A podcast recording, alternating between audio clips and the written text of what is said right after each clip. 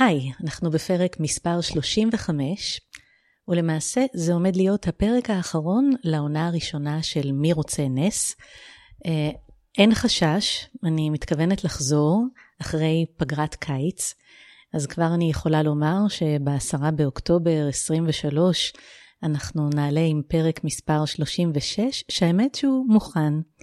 אבל החלטתי אמ, לקחת אה, פאוזה מסוימת, ולרגל העובדה שזה פרק אחרון, הוא יהיה בפורמט קצת שונה. אז קודם כל, מולי יש אורח, היי צחי. שלום.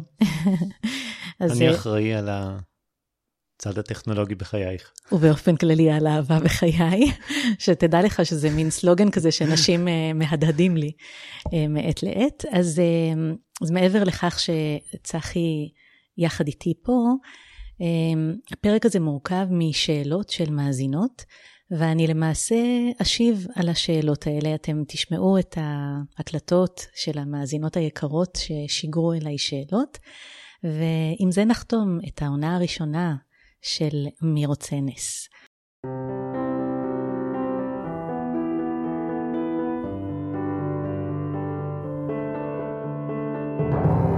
שלום, אני טלי אשר, ואתם על מי רוצה נס, פודקאסט שנועד להכיר לכם מקרוב את החיים לצד התמודדות נפשית.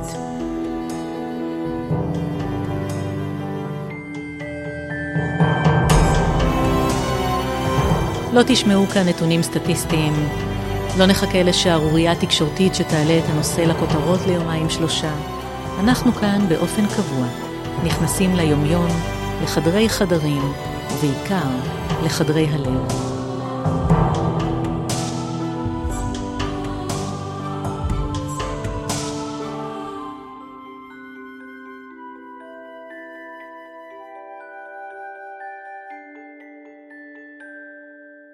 צחי, אתה מוזמן uh, להעלות את השאלה של נעמה מוזס. בבקשה.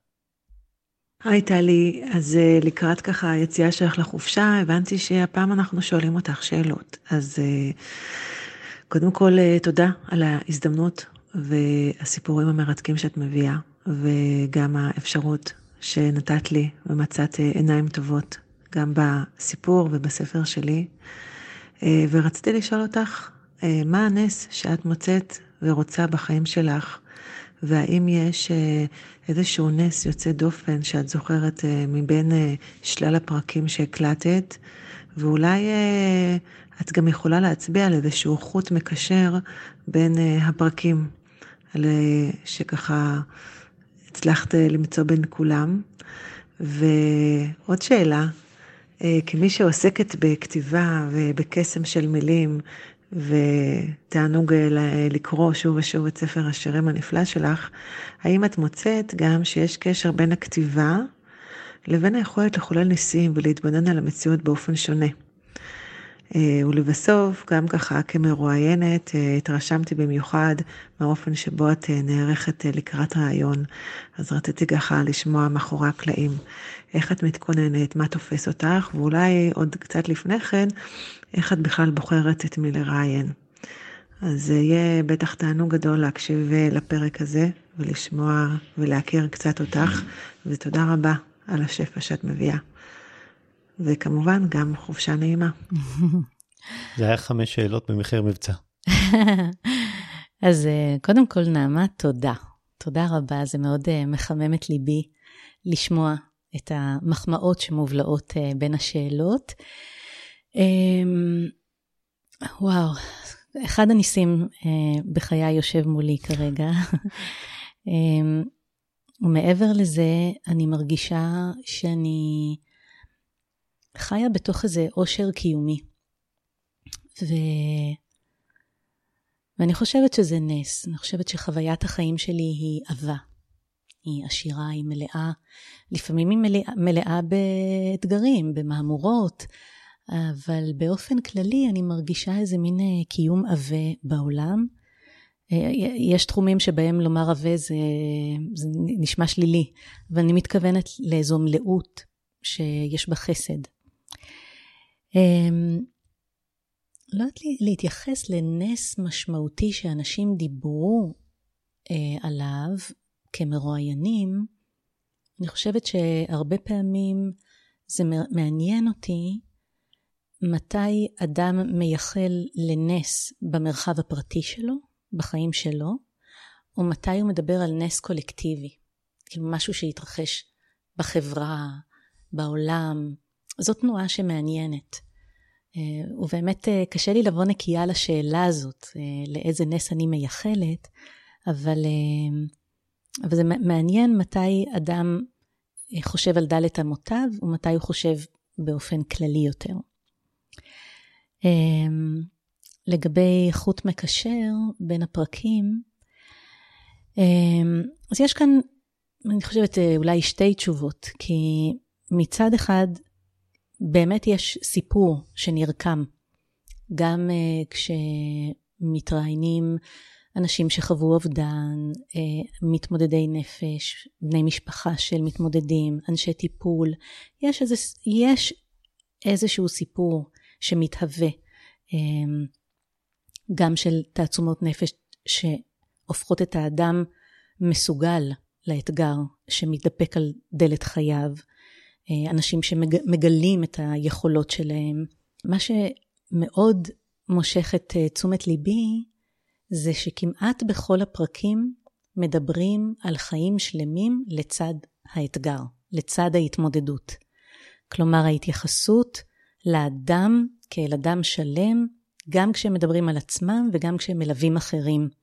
ולחוות את, את חוויית החיים כאיזשהו מכלול שיש בו גם לפעמים אסון, לפעמים טרגדיה, לפעמים התמודדות כרונית, ולצד זה דברים שהם משגשגים, שהם פורחים, וזה מעניין מאוד שזה נשזר לאורך הפרקים, כי זה גם איזשהו אתוס, גם שאני מאמינה בו, וגם שחשוב לי לייצר.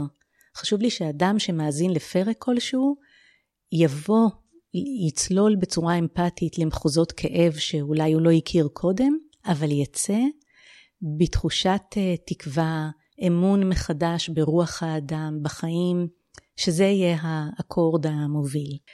אה, אני רוצה להתייחס לשאלה המעניינת שלא חשבתי עליה, אה, שהייתה אם יש קשר בין הכתיבה לבין היכולת לחולל ניסים או להתבונן על המציאות באופן שונה.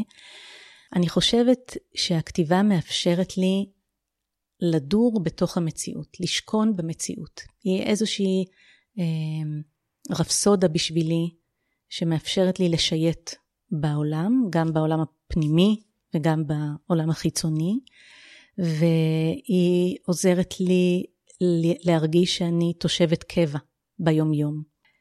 זה הערוץ הקיומי שלי. ולגבי ההכנה לראיונות ולבחור את מי לראיין, אז uh, לגבי לבחור, לפעמים אני שומעת על uh, צל של סיפור שמעורר בי סקרנות, ואני אומרת, אוקיי, זה אני מוסיפה את השם של האדם לקובץ וורד שלי שמלווה את הפודקאסט, ואני אומרת, אוקיי, אני צריכה ליצור איתו קשר. ונעים לי גם לומר שיש אה, כאלה שכבר פונים אליי, ולמעשה את, נעמה, פנית אליי ומבקשים להתראיין. אמ, עם הזמן למדתי שאני חייבת אה, לבדוק לא רק את הסיפור, האם הוא מספיק מעניין, אלא האם האדם בשל להתראיין, או, או מתאים לבוא להתראיין, כי יכול להיות שיש ערוצים אחרים שיותר מתאימים לסיפורים מסוימים או לאנשים מסוימים. אז אני מקווה ששכללתי את היכולת גם אה, לדעת האם אדם כלשהו מתאים דווקא לפורמט הזה של פודקאסט. אמ, ולגבי ההכנה, מצד אחד חשוב לי מאוד שאם אני מראיינת דמות שהיא ידועה או, או פרסמה דברים, או התראיינה במקומות אחרים, אז לבוא מוכנה באמת, לקרוא חומרים, להקשיב, לצפות בדברים. מצד שני, ככל יכולתי, אני משתדלת לבוא קצת לא יודעת.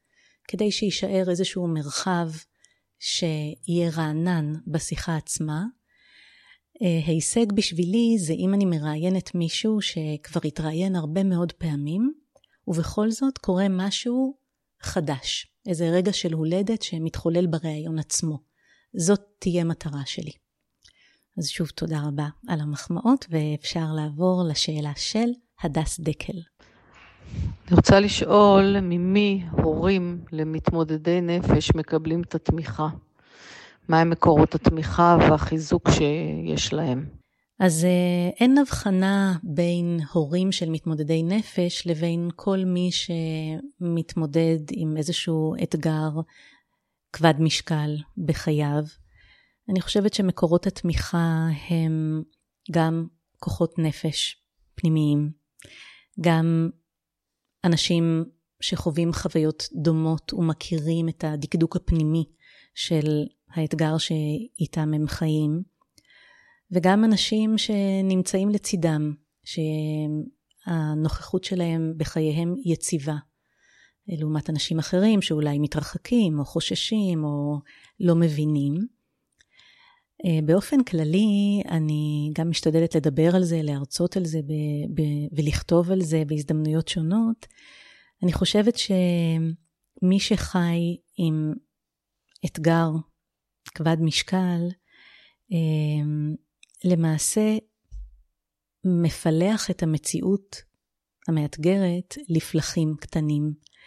ואז מה שיכול לקרות זה שאפשר להישען על הצלחות קטנות, על רגעי חסד, אמ, על רגעים שבהם פתאום מאוד בהיר לו מה המשמעות של מה שהוא עושה, מה התכלית הקיומית שלו. וזה נכון שכל אלה אמורים לתת פייט או לעמוד מול אמ, רגעים של ניכור מהסביבה, של תסכול לאור דברים שלא מצליחים, אה, אולי איזה יחס ממדר מצד המערכת הרפואית או הטיפולית, אבל על זה לא שאלת, אז באמת אה, אני רק מציינת את זה כדי לזכור שהדברים הקטנים, ההצלחות הקטנות והדברים היציבים והעמוקים שיש בחיים, הם באים כנגד הכוחות המחלישים. אז תודה להדס, ואפשר לעבור לשאלה של שקד קפלן. בוקר טוב, טלי. אמ, שאלה שסקרנה אותי לשאול אותך זה מהם המקורות של אה, מעיינות ההקשבה שלך? אמ, ככה שאת מסתכלת על עצמך, אה, מה הוליד בך את היכולת אה, להקשיב באופן הכל כך כל כך מדויק ולהחזיר לאחר חלקים מתוכו שהם תמיד תמיד גם באיזשהו אופן אני מרגישה מחוברים גם לתוכך. תודה, שקד. נדמה היה לי שאני מזהה שאת צועדת תוך כדי השאלה, שזה מקסים, כי אני זוכרת כשראיינתי אותך שאת סיפרת על ההליכות האלה ועל החיבור שלך לטבע. אה, אז שוב, אני אה, מוצאת את עצמי אה, מודה על המחמאה. אני, אני, לא, אני, אני רוצה להגיד שאני לא עשיתי את השיטה הזאת של השאלות כדי לגרוף, לסחוט מחמאות, אבל מאוד נעים לי לשמוע. אני חושבת שסיפורים אנושיים הם הדבר שמאז ומעולם הכי עניין אותי, ממש כילדה. בכלל, מאוד מאוד אהבתי רדיו. ו- והייתי מכורה לתוכניות ראיונות. ממש זוכרת את זה, הייתי צמודה לרדיו. עד היום אני מאוד מאוד אוהבת uh, ראיונות וסיפורים סיפורים, uh, אישיים שמקבלים במה, שאפשר uh, להתמסר על, עליהם. אף שאני כותבת, אני מאוד מאוד uh, מתמגנטת לסיפורים אמיתיים. אה, גם אם אני רואה, אני אוהבת דוקו, אני אוהבת uh, סרטים שמבוססים על סיפור אמיתי, או ספרים. אז uh, אני חושבת שהתשוקה לסיפורים שנמצאים בנבחי האדם, זה מה שגורם לי להקשיב. ויכול להיות שזאת מין נטייה טבעית כזו שהשתכללה עם השנים. אני גם אגיד ש... הרבה פעמים הסיפורים עוברים דרכי ולא לידי. אה, זה, נגיד זה רגע טוב. אם אני מרגישה שהאדם אה, פותח אליי את ליבו, ובאמת מאפשר לי כניסה לממלכה שלו, אה, אז אני, אני, אני נכנסת לשם, אני נטמעת בחפץ לב. ואז אני, זה עובר לא לידי אלא דרכי, ויכול להיות שזה מה שאת uh, מגדירה כל כך יפה, שאני מחזירה למרואיינים חלקים מתוכם שהם מחוברים אליי. אני לא חושבת שזה קורה תמיד. אבל כשזה קורה, אם נשאלתי קודם על נס, אז זה סוג של נס. ואפשר לעבור לשאלה של רחלי ארד. היי טלי, כשאני מקשיבה למי רוצה נס, אני מדמיינת אותך יושבת עם האורח או האורחת שלך, האחד מול השני, ביניכם מיקרופונים, ספרים ודפים. האומנם?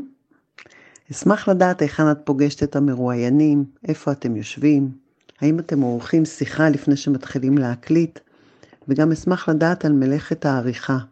מי עורך, כמה שעות עבודה לוקח לערוך פרק. אה, ממש אשמח. איזה מזל שהעורך נמצא כאן ויוכל להתייחס. אז uh, אני אענה קודם כל בפן המרחבי, אנחנו uh, סביב שולחן עגול, שהוא פינת האוכל היקרה שלנו, וצחי מארגן את כל הציוד לפני. לגבי שיחה לפני, uh, כמו שעניתי קצת קודם, שיחה מאוד מאוד מעודנת. אני מבררת אם יש גבולות שיח שחשוב למרואיין לשמור עליהם, אני מסבירה קצת על אופן ההקלטה, על איך תתנהל השיחה, אבל אני, אני שומרת את השיחה להקלטה עצמה, אין חזרות. אמ, זה, זה קשור לאותנטיות, ולמעשה המאזינים מגלים יחד איתי את המרואיין. זו, זו הסיבה. ולגבי העריכה, אה, אתה רוצה להגיד משהו על זה? אני רוצה לענות תשובה מלאה. אוקיי. Okay. אמ, את המאחורי הקלעים של הפודקאסט. אני עם חבר מדברים כבר עשר שנים על זה שאנחנו רוצים לעשות פודקאסט, ובשום שלב לא הגענו לזה. עד שיום אחד את באת ואמרת, בוא נקנה מיקרופונים ומיקסר. וקנינו מיקרופונים ומיקסר, וככה נולדו שני פודקאסטים. והפודקאסט שלי הוא אה, שיחה בין שני אנשים, שבסוף אה, אני פשוט פחות או יותר מעלה אותה כמו, ש... כמו שהיא נערכה, וזה עולה ל... ל... לשידור. רגע, בוא, בוא נרים לכם. Yeah. הוא נקרא סרקסטים ועוסק בקולנוע. והפודקאסט שלך הוא ערוך בצורה אה, מאוד מדוקדקת. וזה לקח כמה זמן עד שלמדנו איך עושים את הפודקאסט. אה, בכלל, כל הצד הטכני לק... אה, היה לו שלב אה, לימודי. בהתחלה היה צריך להבין מה זה RSS, ואיך מפיצים אותו, ולאן מעלים את הפרקים, ואיך מעלים את התמונות ואת התקציר, אה, וכל הצד הטכני הזה שקשור בהפצת הפודקאסט. אה, ללמוד לעבוד עם תוכנת עריכת אודיו. ולהבדיל מהפודקאסט שלי, הפודקאסט שלך, את מקבלת את הפרק להאזנה, יושבת, מקשיבה לו, ואז אני מקבל דף מפורט, שגם הוא אה, עבר כמה שינויים עד שהוא השתכלל והפך להיות מדויק גם לך וגם לי. אה, ככה שאני מקבל מאיזה שנייה עד איזה שנייה להשאיר בתוך ההקלטה, וזה יחסית אה, לוקח די מהר, הפרקים מוקלטים בערך שעה, ואחרי עריכה נשאר בערך חצי, בערך חצי שעה. וזה לוקח בערך פחות משעה, אני חושב, בין חצי שעה לשלושת רבעי שעה לערוך פרק כזה. שלך. לי, שלי, כן, כן. שלי. אה, ואחר כך את מקבלת את הפרק הארוך ועורכת אותו שוב. נכון. ואז אני מבצע את התיקונים, ואז את מקבלת, ולפעמים יש גם מקצה שלישי. נכון. אה, כן. אתה מאוד סבלני לזה, תמיד. את מאוד פרפקציוניסטית לזה. אל אה, תסגור לא איתי חשבונות. לא מוכנה לוותר על אה, שום פיפס, ואני מאוד אה, מעריך את זה. ואני חושב שעניתי על כל השאלה של רחלי, איך הוא נערך והצד הטכני. אני, אני רוצה להוסיף לזה משהו שלפעמים, כלומר, אתה למעשה לא מתייחס לתוכן mm-hmm. בשלב העריכה. מבחינתך אלה סאונדים, ביטים, לא יודעת איך קוראים נכון. לזה. ואתה שומע לראשונה את הפרק רק כמו המאזינים, כשהוא כבר עולה לאתר. אני מנוי לפודקאסט, ואחרי שהוא עולה לאתר, אה, אגב, אה, הוא יכול לעלות אה, שבועיים לפני, ואז אני מתזמן את ההפצה שלו. כן, אבל רגע, רציתי לחזור לפן הזה של התייחסות לתוכן לעומת התייחסות עריכה, למה mm-hmm, שאתה קורא הפרפקציוניזם mm-hmm. שלי, שלפעמים אני, לי פחות חשוב אם זה נשמע משהו קצת קטוע, או המעברים יוצאים mm-hmm. לא חלקים בגלל שאני כאילו משבשת את המקור, ובלבד שהטקסט יהיה פיקס פוקס. סיפור. מדויק, אבל מדויק. ולפעמים אתה אומר לי, אבל זה לא נשמע טוב. את, את לטובת הדייקות אה, אה, הזאת של, ה, של התוכן, את, את, את, זה נחלש בהיבט אחר. וזה מאוד מעניין, אני חושבת שאנחנו משלימים זה את זו בהיבט הזה. זה יוצא יותר מאוזן בזכות הדיאלוג הזה. אז מה שרציתי להגיד לגבי התזמון, שאני יכול להעלות את הפרק אפילו שבוע או שבועיים לפני, ואז אני מתזמן אותו, ואני לא יודע אם אנשים יודעים, אבל הפרק מתוזמן ליום רביעי בשתיים לפנות בוקר, שאז הוא אה, משוגר, והאימיילים לכל מי שמנוי לבלוג יוצא בשמונה וחצי בבוקר. ואני קם ביום רביעי בבוקר, אחת לשבועיים, ומחכה לי פרק על הטלפון, ואז בשמונה וחצי בבוקר אני מקבל את האימייל, יצא פרק חדש. זה תמיד נורא משמח אותי, למרות שאני יודע, אני הכנתי את זה, זה עדיין מאוד מאוד משמח אותי. ואז אני מקשיב לו, בדרך לעבודה או בדרך uh, חזרה. אני משתאה כל פעם מחדש איך את גם מקשיבה, גם אמפתית, וגם יודעת לשאול את השאלה הבאה. Hmm. זה אומנות, לא כל אחד יודע לעשות את זה.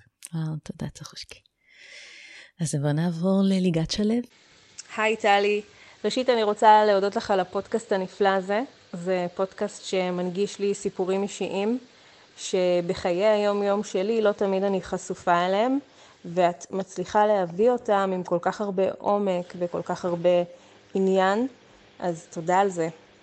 השאלה שלי היא, כשאת נחשפת לכל כך הרבה סיפורים, שמצד אחד הם מעוררי השראה, אבל מצד שני הם גם חשיפה של הכאב המאוד גדול שאנשים חווים, מה הכלים שיש לך להתמודד עם הסיפורים האלה שיכולים לעיתים להציף או להזכיר את הכאב החשוף שלך.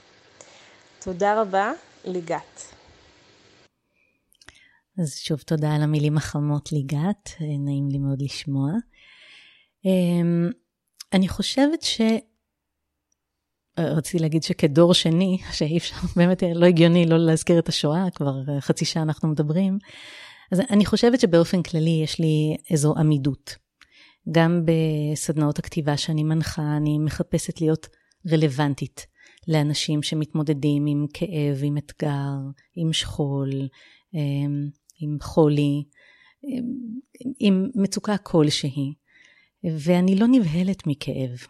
אה, אף שזה באמת, כמו שאמרתי קודם, זה, כש, כשהשיח הוא במיטבו, הוא עובר דרכי ולא לידי, אמ, זה, אני חווה אותו, אני שוהה בתוכו, אבל אני לא נבהלת מזה, ואני חושבת שאני צריכה להשתמש ביכולת שמאפשרת לי לא להיבהל מכאב, כי כשאנשים אה, שמתמודדים עם דברים קשים, רואים שהסביבה נרתעת מהכאב שלהם או מההתמודדות שלהם, זה כפל קנס. לא מספיק יש להם את האתגר שמלווה אותם, הם גם חווים איזו בדידות כשזה מרחיק מעליהם אנשים אחרים, אז מאוד חשוב לי להיות שם, לנכוח עבור מי שזקוק לכך.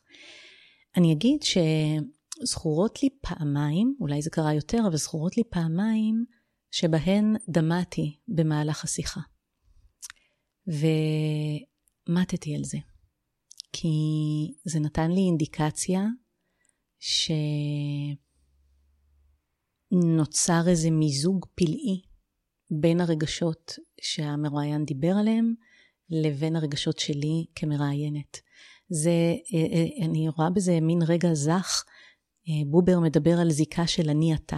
שהיא זיקה מאוד מאוד קרובה, אדוקה, אמפתית, בין, בין אנשים.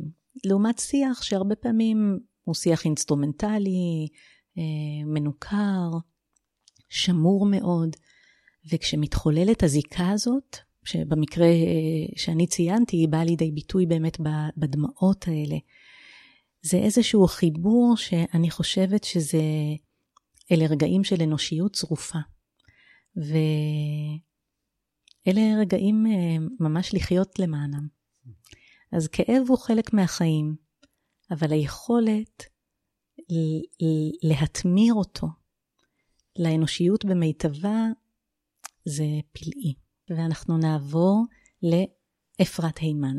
בעקבות הפודקאסט בו ראיינת אותי, קיבלתי תגובות רבות, חלקן מפתיעות ולא צפויות. יש לי הרגשה שלכל פודקאסט שלך יש הדהוד והתפשטות, כמו חלוק אבן שפוגע במים ויוצר עיגולי תהודה הולכים וגדלים. האם גלים אלה מגיעים אלייך, טלי? תודה, אפרת. כן, וזה תענוג גדול מאוד. קורה לי גם שאני מגיעה למקומות, נגיד אה, הנחיתי סדנת כתיבה באיזשהו כנס אה, אקדמי, והצגתי את עצמי, ואז אה, מישהי אמרה, אה, ah, בטח, אני מאזינה לפודקאסט שלך. ואני יודעת שיש מוסדות אקדמיים שעוסקים בעולמות הטיפול, שממש שיבצו את הפודקאסט בסילבוס של הקורס, ואני יודעת שיש עמותה אחת ומרפאה אחת שבה אנשי הצוות באופן קבוע מאזינים לפודקאסט ומדסקסים, מדברים אחר כך ביניהם בעקבותיו. אז זה מאוד מאוד נעים, נעים לי. לכמה האזנות הגענו? קרוב ל-20 אלף? כן, בערך 20 אלף האזנות. אני לא יודע אם זה מספר גבוה או נמוך. זה, אני לא יודעת למה להשוות את זה. זה הרי לא פודקאסט מסחרי, אני לא כן. מפרסמת שום דבר, וזה מאוד אה, שומר mm. עליי. אמ, אנחנו לא משלמים ליח"צ, זה פשוט מתנהל באיטיות בעולם, אבל אה, מבחינתי 20 אלף האזנות, פחות או יותר, זה אומר 20 אלף האזנות, בלי השוואה לדברים אחרים. וגם אני אגיד, אני אפילו בפייסבוק לא תמיד מפרסמת את הפרקים, למעשה את מרביתם אני לא מפרסמת בשום מקום. יש לי מין אה, חוק כזה שאני מאוד משתדלת לא להעלות הרבה פוסטים. אז uh, אני, אני, אני שומרת על מינון נמוך. אז זה, זה פשוט מתנהל, ו, וזה מאוד מרגש אותי. זה, זה, זה, אתה יודע, זה כמו ש... קוראים טקסט שלי, ואני בשוק מזה שקוראים, כן. קראו שיר שלי, או מישהו אומר, כן, קראתי את הספר שלך, ואני נדהמת, איך, איך קראת את הספר שלי? כן. אז, אה, אז ככה, זה, זה מרגש אותי, שבאיזשהו מקום עכשיו מישהו מאזין לאיזשהו פרק. אמ, וגם הרבה פעמים המרואיינים עצמם מספרים לי על, על החוויה שקרוביהם הקשיבו, אוקיי. חברים שלהם, מישהו שמע במקרה וזה הגיע אליהם, אז זה, זה יפה שדבר אה, מת, מת, מתקיים בעולם ויש לו חיים משל עצמו. אז אה, שאלה של המאזינה האחרונה היא סמדר פורן. טלי יקרה שלי, כאחת המרואיינות הראשונות בפודקאסט שלך, וכמאזינה ממש קבועה לכל פרק ופרק, הייתי רוצה לשאול אותך איך זה היה בשבילך? איך המפגש עם המרואיינים שלך, ואם היה שינוי במהלך מהמפגשים הראשונים ועד היום, איך בשבילך כל החוויה הזאת? ועוד הייתי רוצה מאוד מאוד לשאול, לאיזה נס את מחכה? מה את היית רוצה שיקרה? באמת מגיע לך את הכי טוב בעולם. יצא שהשאלה האחרונה זו השאלה ששואל, שאת שואלת. נכון. אז אה, קודם כל תודה, סמדר, אני מאוד אה, חייכתי אה, כשהקשבתי לשאלה. אני מאוד מקווה שהשתכללתי לאורך הדרך. אני חושבת שאני מדויקת יותר מבחינת התגובות שלי במהלך השיחה, בזמן אמת. אני חושבת שבפרקים הראשונים המהמתי הרבה. כלומר, מישהו דיבר ואמרתי, mm, אני לא יכולה לשמוע את זה. אז uh, שכללתי את, ה, את היכולת שלי להגיב אחרת בזמן אמת. אני חושבת שאולי אני גם בעבר מאוד חששתי להפריע לזרימה של המרואיין בשיחה. וגם אם הייתי יודעת שהוא עכשיו עשה משהו או אמר משהו שמאוד יקשה אחר כך על העריכה, לא הייתי אומרת שום דבר. היום אני קצת יותר מעיזה לומר, רק רגע, תגיד את זה עוד פעם, כי כך וכך. אז אולי יש לי קצת יותר אומץ היום. ומבחינת נס, אז קודם כל אני אגיד שאני לא, אני לא מוכנה לשאלה הזו. אני לא שואלת את עצמי את, ה, את השאלה הזו. אני כן אגיד שבמבנה האישיותי שלי, אני לא מחכה לניסים. אמ, אני מאוד מאוד פועלת. אני, אני, פעם יצא לי לומר שהדת שאני מאמינה בה היא דת העשייה. ואני חושבת שאני מאוד משתדלת לפעול לטובת דברים שיש בהם חסד, או דברים שמשמעותיים לי בחיים, או שאני נושאת עליהם עיניים. ואז, אם באמת משהו מתממש, אני חווה את זה כנס. זה נראה לי פלאי, למרות שמאוד התאמצתי והשתדלתי למענו, ולפעמים ההשתדלות היא שנים. או שנים בפועל, או שנים בחלימה עד שאני נוקטת בצעד אקטיבי. עדיין אני, אני חווה את זה בפליאה. הנס ש, שמאוד מאוד חשוב לי, ואני עסוקה בו יום-יום, לא כהפרזה, אלא באמת יום-יום, זה שהמשפחה שלי, החמישייה שלי, שנצליח להתממש במיטבנו.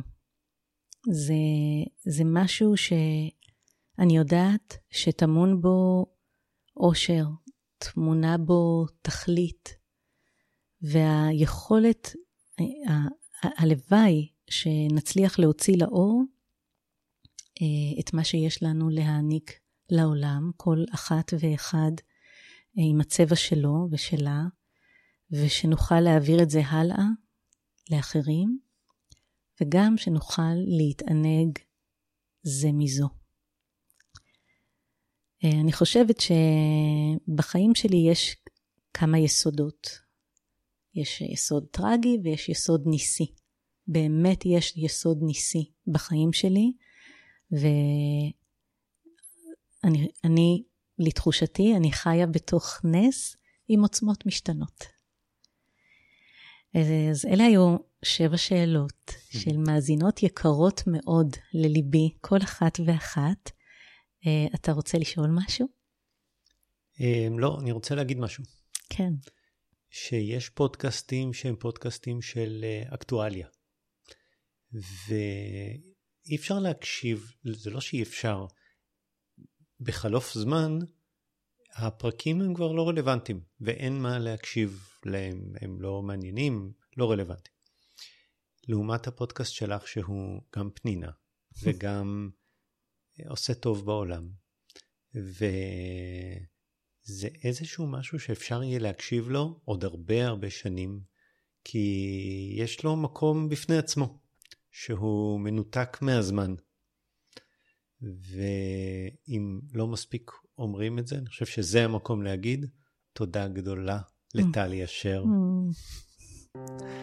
ופעם אחת לסיים את הפרק ככה. זו הפעם השלישית שיש לי דמעות. תודה רבה רבה לך. תודה למאזינות, תודה למאזינים. זה, זו זכות גדולה, ונתראה ב-10 באוקטובר 2023.